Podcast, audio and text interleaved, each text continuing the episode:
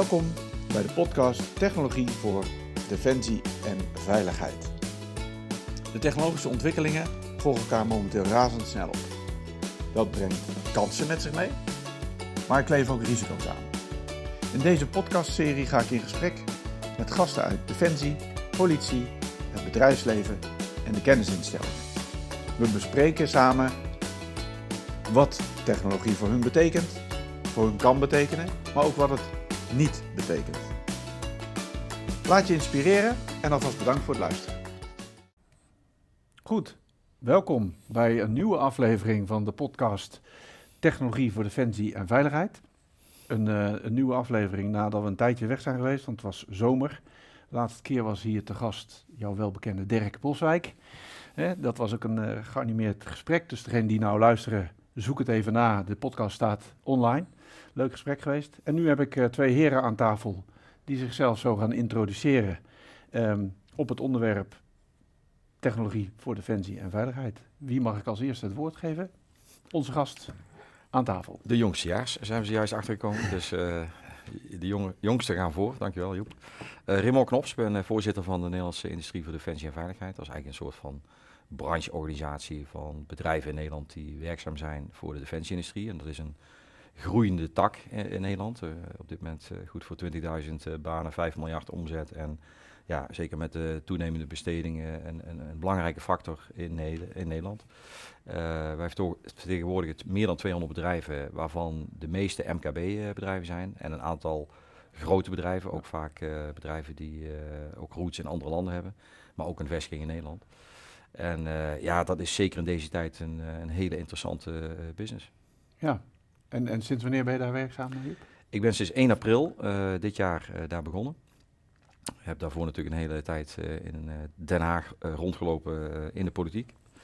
Daar kennen als, de meeste mensen ongetwijfeld ja, van, denk ik. Als Tweede Kamerlid, ja. ook langjarig woordvoerder Defensie, Buitenlandse Zaken en, en daarna in het kabinet als staatssecretaris en minister van Binnenlandse Zaken. Maar inmiddels uit de politiek en toch weer niet helemaal, omdat ik natuurlijk, ja, een van mijn belangrijkste taken is als voorzitter van het bestuur om ervoor te zorgen dat uh, ja, de aandacht voor defensieindustrie, uh, Nederlandse defensieindustrie, dat die hoog op de agenda blijft uh, in politiek Den Haag. Ja, nou ja hartstikke goed. volgens mij heb je ook nog iets met een defensieverleden. Ja, ik ben ooit begonnen, dat was de openingszin naar Joep, toen Joep zo'n beetje afzwaaide op de KMA, toen, toen kwam ik op in 1990 als cadet bij de luchtmacht, Koninklijke Luchtmacht begonnen als technisch officier, uh, overgestapt naar uh, de geleide wapens, naar de operatiekant. En uiteindelijk uh, na een aantal jaren ja, de lokale politiek ingaan en wethouder geworden. Maar mijn loopbaan is begonnen en mijn studie is begonnen op de KMA in Breda. Ja, ja mooi is dat. Om, die, die, die hele cirkel is wel full cirkel, zeg maar. Hè? Nu alle elementen gehad. Ja, nu, zo voelt het ook wel een beetje hoor. Als je ben ooit met overtuiging naar de KMA gaan in de tijd dat de muur gevallen was, dat was precies het jaar daarvoor. En dat was uh, het moment voor uh, veel politici om te denken: de vrede is uitgebroken, we gaan uh, het mes zetten, de kaasgaaf in eerste instantie, we gaan het vredesdividend innen. En eigenlijk sinds die tijd tot eigenlijk afgelopen jaar hebben we alleen maar een tijd meegemaakt, ja, af en toe wat incidentele intensiveringen daar gelaten, maar van bezuinigen. Ja. En ook van de ideeën en de perceptie in Nederland dat ja, veiligheid toch een beetje vanzelfsprekend is en dat je daar niet in hoeft te investeren. En het heeft uiteindelijk dan meer dan 30 jaar geduurd voordat we erachter zijn gekomen dat dat niet zo is. Overigens ben ik nooit die mening toegedaan. Ik heb altijd me ingezet voor meer geld voor Defensie. Juist omdat ik vind dat je daar blijvend en op een fatsoenlijk niveau in moet investeren. Ook als lid van de NAVO. Maar het politiek klimaat was wel eentje waar de meerderheid van, uh, van de volksvertegenwoordigers uh, liever het geld en andere dingen uh, stak. Ja, nee, dat, dat, dat hebben we op allerlei manieren inderdaad gezien. Gelukkig is die tendens nu wel anders. Zei het dat de oorzaak misschien niet helemaal zo gelukkig is, maar het is wel uh, merkbaar. Dat merk je bij de NEDV natuurlijk ja. net zo. Dus daar gaan we zo meteen zeker op, uh, verder op doorpraten. Tegenover jou zit uh, de andere gast aan tafel vandaag van IBM. Introduceer jezelf, Joep. Ja, eerst maar de opmerking. de beste minister van Defensie die we nooit hebben gehad, denken wij dan. Maar oké, dat is een ander onderwerp. Joep Verleersum, um, bij IBM Consulting. IB, IBM staat uit Technology en Consulting. Ik zit duid, duidelijk bij de consulting tak. Ben ik partner en verantwoordelijk voor wat wij doen voor de Nederlandse Defensie. En de andere 50% van mijn tijd mag ik uh, industrieleider spelen voor alles wat we doen in de energiewereld in Noord-, Centraal- en Oost-Europa. inderdaad ook KMA-verleden, opkomst 86, afzwaai 90. Dus inderdaad, we hebben elkaar nog net meegemaakt. Uh, ook als technisch officier, elektronica dan. uh, en elf jaar in dienst geweest en toen overgestapt naar het bedrijfsleven in de system integration of IT-wereld, zeg maar. Ja. Goed, Raymond, ja, we gaan het hebben over de rol die de industrie kan spelen uh, en, en, daar speelt de NITV natuurlijk ook een rol in om uh, de defensieverwerving te laten versnellen. Wellicht ook mede anders in te richten. Meer richting dat echte partnerschap te gaan, zoals dat eigenlijk al een tijd verkondigd wordt door onder andere Arjan Waard. En nu dan door Jan-Willem Hartman, denk ik. Um, maar toeval wil, of eigenlijk geen toeval, vandaag ben je geweest bij de Defensieprojectendag die op de Kromhout plaatsvond. Um, nou, wellicht heb je daar al het een en ander kunnen horen in dit domein. Ja, dus, dus elk jaar de vierde dinsdag van september, dus de week na Prinsjesdag, vindt dit plaats. Dat doen we in samenwerking met, met Defensie als NIDV. En wat eigenlijk gebeurt is dat onze deelnemers, de bedrijven, die, die komen daar, die kunnen in deelsessies en grotere plenaire sessies kunnen die zeg maar, in gesprek gaan met vertegenwoordigers van Defensie. En eigenlijk vertelt Defensie wat ze de komende tijd van plan zijn.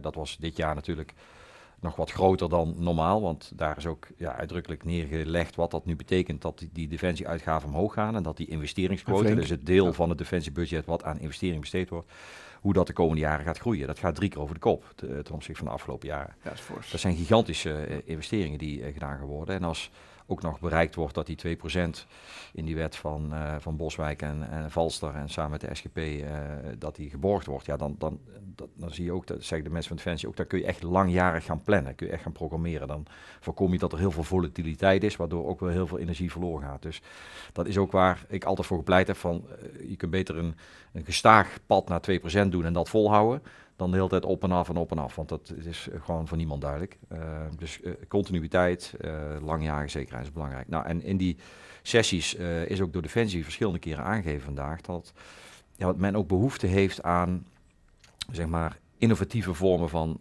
van aanbesteding, van een nieuwe vormen van samenwerking. Dus men doet ook, heeft vandaag ook een uitdrukkelijk appel ook op de industrie gedaan, op ons dus, om daarover mee te denken. En dat gaan we heel graag doen, want ja, wij denken dat er nog wel meer ruimte mogelijk is en in ieder geval verbetering uh, mogelijk is. En in essentie komt erop neer, uh, ja, meer budget betekent dat je meer mensen nodig hebt van de zijde van Defensie om al die projecten te managen en, en, en aan te besteden. Dus als je dat niet op een andere manier doet, ja, dan gaat het nooit lukken, want die mensen krijg je namelijk niet. Iedereen wil goede mensen eh, hebben, bijvoorbeeld inkopers.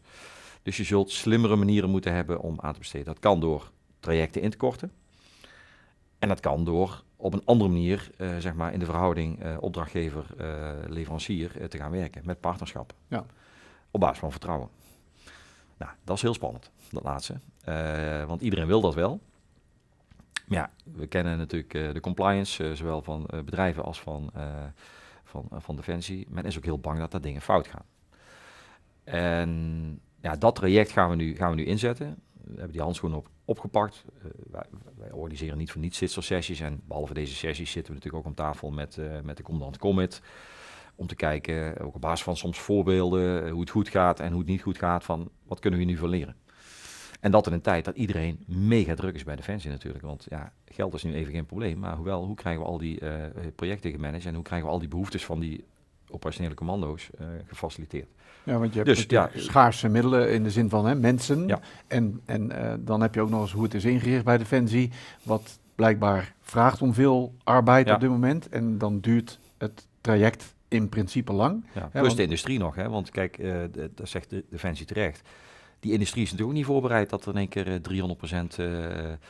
300% meer aan investeringen wordt, wordt uitgegeven. Dus uh, dan heb ik het niet alleen voor de Nederlandse industrie, maar wereldwijd. Op het moment dat je nu je meldt bij een willekeurig bedrijf, omdat je missiles nodig hebt, of munitie, of uh, reservedelen. En je zegt, doe mij eens even factor 10 voor wat ik altijd besteld ja, heb. Dan zeggen ze, ja, maar dat, u heeft de afgelopen 20 jaar heeft u bijna niks besteld, omdat er geen geld was. En u wilt in één keer heel veel. Ja, er zijn nog meer die wat willen, dus u staat achteraan in de rij. Dus het is niet die kwestie van, hey, er is meer geld, zoals sommige politie denken. En morgen gaan we naar de winkel en uh, halen we de schappen leeg en dan is de, zijn de magazijnen weer gevuld. Zo werkt het niet in ja. de defensiewereld. En dat is ook precies de reden waarom je niet elk jaar uh, iets anders moet gaan doen. Je moet langjarig uh, betrouwbaar zijn. Zodat je daarop kunt inrichten als de industriepartij exact. en daadwerkelijk ook de partner kunt worden. Joep, jij zit aan de andere kant, hè? Jij, althans aan de andere kant, jij zit in die industriekant. wat is jouw ervaring hiermee met, met, als het gaat over het duurt lang qua verwerving en hoe kunnen we dat partnerschap... Nou, Raymond, trek hem op twee punten. Het eerste punt is, uh, ik denk dat we onderscheid moeten maken tussen de inkoop van spullenboel. Hè, want als je, neem eens even wat, uh, een tender zou doen voor radio's, dan zou je dat als bedrijf in één keer voor alles kunnen winnen. En het aanbesteden van diensten en dus het vragen van mensen. En daar zitten we natuurlijk in een, in een aanbiedersmarkt. Hè. Is, um, ja, de, de, het tij ligt bij de aanbieders, laat ik het zo even noemen. Ik weet niet of de definitie helemaal goed uh, zet hier, maar uh, er is schaarste in de pro professionals, IT-professionals bijvoorbeeld. En waarom doe je aanbestedingen? Omdat je wil dat de koek eerlijk, of eerlijk verdeeld wordt, dat die goed wordt aanbesteed. En dat er geen fouten worden gemaakt in voorkeursbehandeling. Mm -hmm. Maar op het moment dat er schaarste is in de servicesmarkt, in het hebben van bijvoorbeeld IT-handen zoals waar wij in opereren, dan denk ik dat je daar anders naar moet gaan kijken en moet kunnen kijken in overeenstemming met iedereen. Want dan is het samen die grote taart zo goed mogelijk proberen op te eten. En niet kijken of je elkaar staart, want dat, dat, dat, dat speelt niet. Nee. Hè? Elkaar staart opeten. Dus ik denk dat je daar al onderscheid moet maken. Zeker als het gaat in ons, nou, als ik even in mijn eigen straatje praat, als je het hebt over IT-serviceverlening. Ja. Ja, bij, bij IT en, en, en inderdaad, bij IT zit een hele sterke uh, dienstencomponenten. Hè? Uh, ja, IT als een service en dat soort. Dus de beschikbaarheid. Je wilt eigenlijk gewoon dat systemen kunnen functioneren. En dat kan soms met, met mensen, omdat je die zelf niet hebt. Maar daar zie je dat Defensie natuurlijk een aantal hele grote projecten heeft lopen, die ook nog onderling allemaal uh, geïntegreerd moeten worden, wat gewoon een hele complexe opgave is. Dat, uh, nou, dat is jullie vakgebied, maar dat zul je kunnen beamen. En dat maakt dat men daar helemaal voorzichtig is in, in hoe je dat uh, gaat doen. En ook daarvoor geldt, als je vandaag tot de conclusie komt dat je meer geld hebt voor de komende jaren, dan heb je niet morgen meteen al die mensen. En, dus dat, dat, daar gaat gewoon tijd overheen komt ook nog bij dat er een, een soort mechaniek in Den Haag speelt, waarbij als Defensie gelden niet uh, besteedt, dat die dan weer terugvloeien naar financiën. Hè. Dus er zit ook nog enige haast bij ja. uh, om, om die middelen ook uh, te besteden. Dat noemen ze dan de onderuitputting. Nou, van deel kun je dat, zijn afspraken gemaakt dat je die kunt meenemen naar komende jaren, maar niet alles. Dus de minister van Financiën zit natuurlijk op vinkentouw ja, en zegt ja, als Defensie het geld niet opmaakt, dan gaat het terug naar de algemene middelen. Dan kunnen we andere dingen mee doen. Speelt ook nog. Dus daar zit aan de ene kant heel veel haast bij iedereen. Uh, maar ook een soort onmacht van hoe gaan we dat morgen realiseren. En, en één ding is vandaag ook weer heel duidelijk geworden dat uh, ja, linksom of rechtsom, Defensie en de industrie zullen hier samen afspraken over moeten maken. Uh, en zullen met de geldende regelgeving ten aanzien van aanbesteding, want dat is ja, toch ook soms een showstopper om bepaalde dingen te doen, moeten kijken wat er dan wel kan. En uh, nou ja, daar, daar gaat natuurlijk al heel lang het verhaal dat wij uh, zijn dan de paus, om maar als katholiek te zeggen. Dat wij de regels zodanig uitleggen dat die niet echt gunstig zijn voor de defensieindustrie en de betrokkenheid van Nederlandse bedrijven verkleinen. Hè, dat andere landen daar ruimhartiger mee omgaan ik hoor vandaag ook allemaal mensen van Comet zeggen, ja, we zouden daar nog wel meer ruimte kunnen benutten. Dus eh, naar mijn idee zouden we dat pad echt nog af moeten om te kijken wat er dan wel kan binnen de bestaande regels. En als het dan echt niet zou kunnen, zou je ook, vind ik, het politieke debat moeten voeren. Ja, uh, dit gaat over onze nationale veiligheid. Uh, ik bedoel, als er echt een imminente dreiging is voor ons grondgebied, gaan we dan, in gaan we dan zeggen dat de procedures het niet toelaten om op te schalen. Dat deden we bij COVID ook niet. Ik, bedoel, ik zat toen in het kabinet en, en we, hadden, we, hadden, een gigantische crisis. En toen is er echt wel op een bepaalde manier gezegd: jongens, we gaan nu even dingen anders doen dan normaal. Want we gaan, daar gaan mensen gewoon dood. En dat is dan de discussie die je hebt. Dus Zover zijn we nu nog niet bij Defensie, maar uh, uh, ik wil wel even aangeven, je kunt je niet altijd of uh, voor eeuwig achter de procedures verschuilen als ja, er een nog groter probleem is voor opgelost. Ja, toen, dan, dan moet je een debat over. Toen is er in een weekend nieuwe, nieuwe wetgeving doorheen ge, ja. gejast, dus het kan blijkbaar wel. Nou, niet één, er zijn meerdere wetten meerdere, gemaakt op allerlei vlakken om in één keer om, om ja, ook weer te codificeren wat er eigenlijk niet meer anders kon dan op die manier. Uh, dus het kan wel, maar er moet een soort urgentie uh, uh, gevoeld worden. Ja. In de operatie zie je natuurlijk ook. Ja, als, als, als Defensie in operatie gaat en daar dingen nodig zijn, spullen nodig zijn, dan, dan even los van of ze beschikbaar zijn, maar dan zie je dat de verwervingskant veel sneller kan ja. gaan dan wanneer het, zeg maar, laten we zeggen, een vredesbedrijfsvoering, zoals het wel eens genoemd wordt, gaat. Nou, nou is vandaag dus die projectendag geweest. Dan wordt er geconstateerd, en, en laten we zeggen, dat is eigenlijk al van de afgelopen jaren wordt dat aangegeven. Hè. We willen innovatief partnerschap, we willen partnerschap aangaan met de industrie. Um, ik moet eerlijk zeggen, als ik het soms eens naar vraag binnen Defensie, dan zijn de voorbeelden van het innovatieve partnerschap, ja, die moet je echt gaan zoeken. Het is toch nog een beetje van, ja, hoe werkt dat dan precies? ik denk dat eh, je ook in de defensieorganisatie zelf wel een beweging ziet. In ieder geval, ik hoor die geluiden wel eens. Ehm, het zou fijn zijn als commandanten zelf kunnen beschikken over budgetten. Hè, eh, is wat ik wel eens Ja, hoor. ja. Eh, eh, verwervingsdrempels die er liggen, waarbij een eenheid zegt van ja, we hebben deze behoefte. Ja, en dan gaat het treintje vanaf een bepaald bedrag, gaat het heel veel tijd kosten. En mensen en middelen, et cetera. Ja. Ehm, als we, hè, we zitten hier aan tafel vanuit industrie, vanuit NEDV. eh, gewoon een beetje een ballonnetje opladen. Want er zitten mensen eh, naar deze podcast te luisteren. Al was ik de enige, want ik luister het terug. Eh, dan zou ik toch leuk vinden als ik dan terugluister en denk van... nou, wat hoor ik nou eigenlijk zeggen over nou, mogelijke oplossingsrichtingen? Wat, wat voor dingen kunnen wij bedenken of, of denken we nou... die hoek en die hoek, daar zouden we eens een sessie met NIDV-partijen over moeten hebben bijvoorbeeld. Omdat, eh, Joep, jij wil iets zeggen. Ja, dat is het tweede punt waar Raymond mij op triggerde. Ehm, al een paar jaar kom ik ook op die projectendag eh, en, en hoor ik dezelfde geluiden. We moeten eens creatief nadenken om. Maar het is niet zo'n fluid iets. De- het is een redelijk discreet geheel aanbesteding. Dus gewoon een Europese wet voor. En inderdaad, wat een piano wordt genoemd, of innovatief partnership, par- dat is een bestaande vorm. Die al her en der wordt toegepast. Hè, in de intro van deze of vorige podcast weet ik even niet zeker dat ik eh, beschäftigd ook ben met, eh, met de energietak. Wij hebben bijvoorbeeld met Tennet al wel innovatieve partnerships afgesloten. En dan is het dus licht aan de voorkant eh, de manier waarop je elkaar uitvraagt. Hè. Dan, dan moet je zeg maar, proef van bekwaamheid geven dat je dergelijke technieken of dergelijke soorten projecten of dergelijke regelgeving Ja. al een keer aan de hand hebt gehad.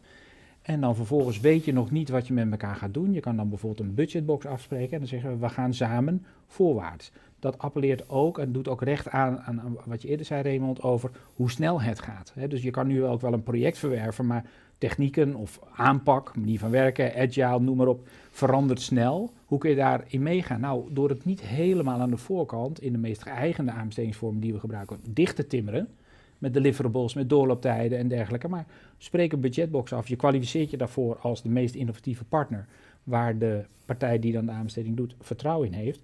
En dan ga je samen voor een bijvoorbeeld jaar of vijf, ga je samen voorwaarts. En je ziet wel waar dat eindigt, natuurlijk wel met een bepaalde richting.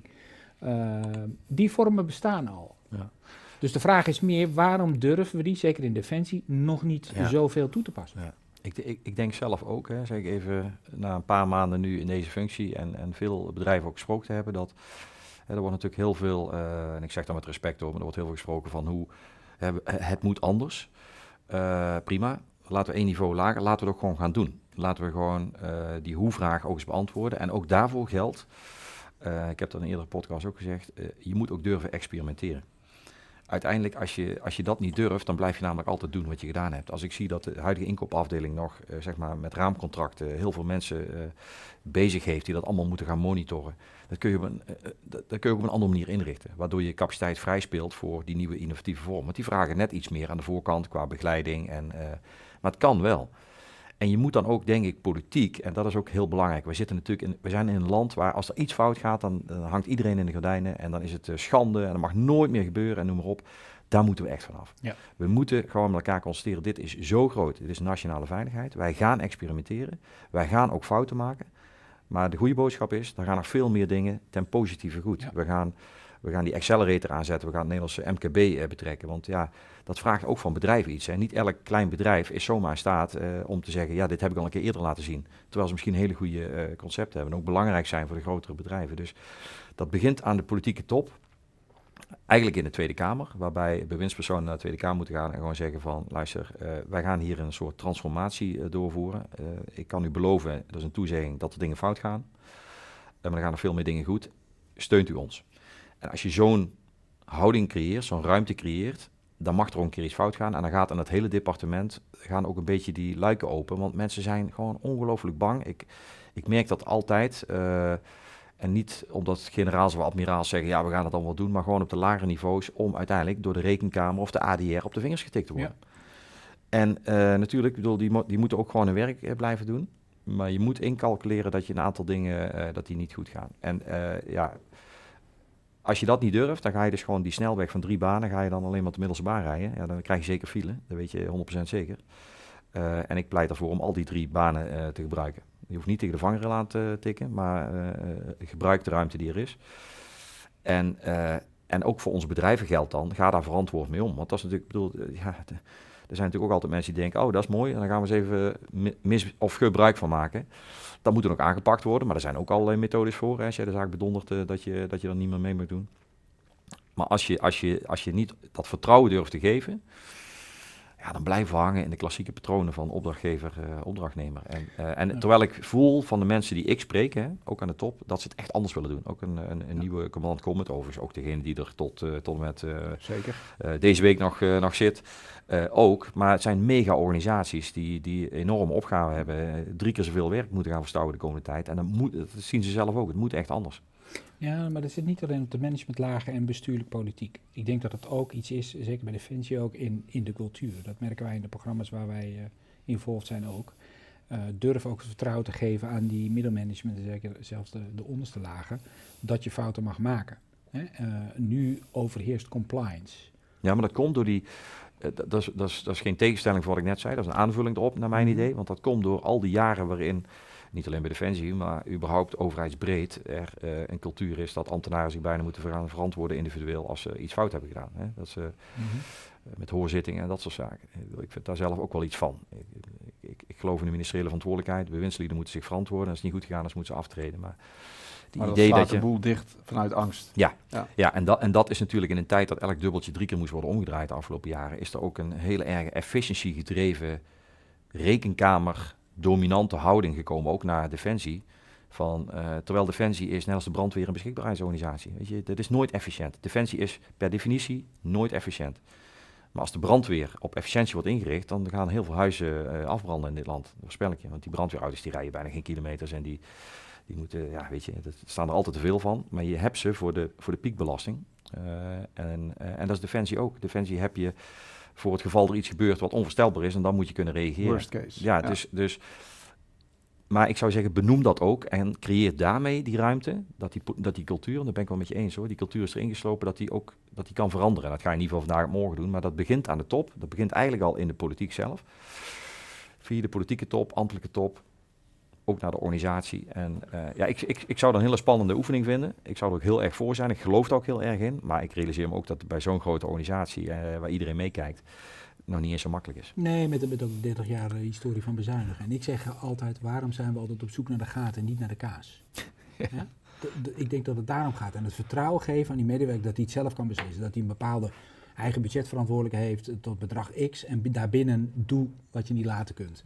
En uh, doe een keer eens per week een stand-up waar je elkaar vertelt welke fout je hebt gemaakt deze week. Ja. Dus natuurlijk ook niet bestaand op dit ja. moment. Waarom niet? Van fouten leer je.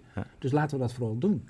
Uh, maar laten we elkaar niet gelijk afrekenen. Ik denk dat de scheidslijn moet liggen tussen verwijtbaar en niet verwijtbaar. En meestal zijn fouten niet verwijtbaar. We wisten het nog niet of we hebben het uh, niet goed gezien of wat dan ook. Maar voor eigen belang en dat soort zaken, ik denk dat dat vrijwel nooit voorkomt. Hè. Uitzonderingen ja. dagen later. Dus als we daar de scheidslijn leggen en de mensen zelf, projectmanager op niveau projectmanager met eigen budget in hun projecten, die verantwoordelijkheid geven. Want nu kijken we om naar kwartaal en dan kijken we om met tevredenheid dat er geen fouten zijn gemaakt, dat er bestuurlijk comfort is geleverd. Maar hoeveel kilo van het eindproduct wat er wordt afgesproken is er geleverd? Ja. Nul. Maar het schijnt dat lijkt, laat ik het zo zeggen, dat niemand zich daarom bekommert. Nee, nee maar dat, dat herken ik heel erg. En dat is, uh, ja, daar moet ook weerstand tegen geboden worden. Ik heb zelf, ben zelf verantwoordelijk geweest, heel anders Pieter, voor de verbouwing van de Tweede Kamer en de verhuizing uh, van de Tweede Kamer uh, naar de tijdelijke huisvesting. Nou, elk jaar dat, dat, dat er niet verhuisd werd en elk jaar dat er niet gestart werd met de bouw, stegen die projectkosten natuurlijk. Want die, die bouwkosten zijn helemaal door het dak gegaan. Ja. En wat staat er in de krant? Het budget is overschreden. Ja, het wordt elk jaar duurder. Ja, het wordt elk jaar duurder. Dus als je hele lange tijdspannes uh, hanteert om zoiets te gaan doen, ja, dan weet je bijna zeker dat op het einde het, het veel duurder is geworden. En wat is dan het beeld? Het is een mislukt project. Nee, het is geen mislukt project. Dit is gewoon, zijn de marktomstandigheden, externe factoren die je niet kunt beïnvloeden. Maar het is natuurlijk heel makkelijk om dan te roepen, ja zie je wel, ze kunnen bij die overheid helemaal niks en ze kunnen dat allemaal niet plannen. En dus pennywise pound foolish. Hè? Dus ja. het klopt niet voor een tientje deze maand, dus we zetten er even een stop op het loopt drie maanden uit, dus je bent 1000 euro verder. Ja. Hè? Dus dat, dat, ja. die afweging is Je moet die budgetverantwoordelijkheden ook lager leggen, denk ik, in de organisatie. Nou, dat is denk ik uh, een goede uitspraak die past bij hoe de commandant het ziet, want die willen dat ook graag. Hè, dat die budgetverantwoordelijkheden op hun niveau komen te liggen. Maar uh, dat, dat even als, uh, als afronding van dit, dit topic. Hè, ehm, ik zou het persoonlijk heel erg gaaf vinden, als, eh, zeker op basis van wat je vandaag gehoord hebt, Raymond, hè, als de NIDV samen met een aantal industriepartijen gaat zeggen, nou laten we dit nou eens vastpakken, inderdaad, hè, want er wordt al, zoals je ook zegt, Joep, best wel lang over gesproken. Laten we het gewoon vastpakken en gaan kijken, waar liggen de quick wins die we kunnen maken om inderdaad zo'n versnelde uitvoering van innovatief partnerschap, uh, de inkooptrajecten te versnellen. Wellicht zit daar ook een stuk automatiseringsslagen in te maken, die ook helpen bij versnellen binnen Defensie. Maar um, nou, ik denk dat, dat wat hier besproken is, die weg wellicht een beetje op kan gaan bewegen. En um, nou, ik zie je al knikken. Ja, als er een moment is, het nu. Ik wil, we hebben elkaar keihard nodig. En, en, en dat was vandaag ook de boodschap. Dus ik, ik zie ook de uitgestoken hand van, uh, van, van beide kanten. Maar uh, het moet niet blijven hangen op uh, dat we het moeten doen. Nee. Maar ook hoe Want dat zijn dan uitspraken van vandaag. En dat klinkt leuk. En morgen, als we weer Precies. aan tafel zitten, Precies. dan is het toch allemaal wel, zeg maar, Nee, maar dit zie ik ook als een van de belangrijkste opdrachten eh, vanuit mijn rol, van ons, ons bestuur, vanuit NIDV, om, eh, wij behartigen niet de belangen rechtstreeks van individuele deelnemers, maar wel Mhm. van de sector als geheel. Mhm. En dan denk ik, dit zijn echt, als je hier iets kunt veranderen, dan bewijs je zowel eh, de Nederlandse defensie, de Nederlandse burger, de belastingbetaler, maar ook de industrie en dienst. Want dan gaan we het op een slimmere manier doen. En volgens mij is dat gewoon echt een gemeenschappelijke opgave. Ja, nou, ik, ik, ik koppel maar even in, maar ik, ik zie wel iets eh, verschijnen van de NIDV uit die zeg maar zoiets organiseert waarbij het hoe gaan we dit oppakken eh, wordt ingevuld. Lijkt me hartstikke mooi. Jullie eh, dank voor eh, eh, je komst in deze podcast en eh, het onderwerp. Goede reis terug naar huis en we gaan elkaar zeker nog een keer zien. Dankjewel. Dank.